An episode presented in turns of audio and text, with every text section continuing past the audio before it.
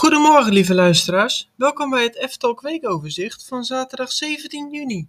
Mijn naam is Michelle en ik neem je mee door het nieuws uit de wereld van de Efteling van afgelopen week. Max en Moritz blijkt nog steeds niet bestand tegen de hitte. Vorig jaar bleek al dat de treinen van Max en Moritz bij warm weer niet op de juiste plek in het station stilgezet kunnen worden. Fabrikant Makrijts is ingeschakeld om het mankement te verhelpen, maar dit is niet gelukt. Afgelopen zaterdag werd de trein Max zelfs enkel gebruikt voor MIVA-gasten. De Efteling gaat opnieuw contact zoeken met de leverancier. Zondag is er weer brand uitgebroken bij Ravelijn. De show heeft er na vier dagen niet gedraaid en is gisteren weer van start gegaan met enkele aanpassingen.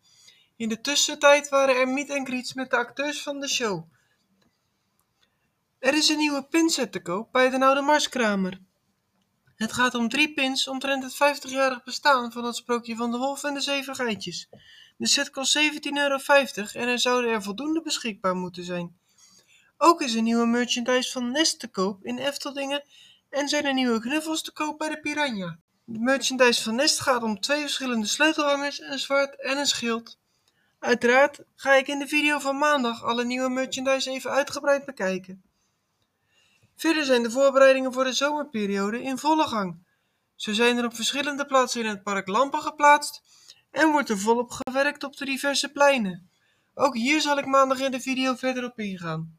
Er komen twee extra vertoningen van de Spookslot-documentaire in Theater de Leest. Deze zullen zijn op, donderdag 3, op zondag 3 september sorry, om 12 uur en om half 4. Kaarten zijn nu te koop via de website van het theater. Dan mooi nieuws. Opa Wim kan weer naar de Efteling.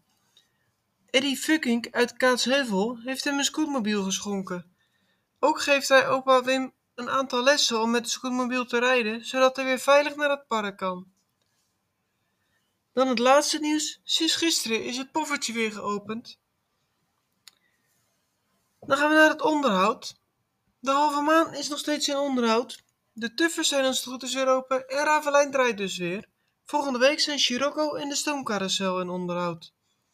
Het park is vandaag en morgen geopend van 10 tot 7 en de Efteling verwacht een grote drukte op beide dagen. Wat gaan we bespreken in de video's komende week? In de video van maandag ga ik kijken bij de voorbereidingen op het zomerseizoen. Ook kijk ik hoe de aangepaste Ravelijn show is en stop ik even in diverse winkeltjes om de nieuwe merch te bekijken. Wat ik donderdag ga doen is nog een beetje een verrassing, ook voor mijzelf.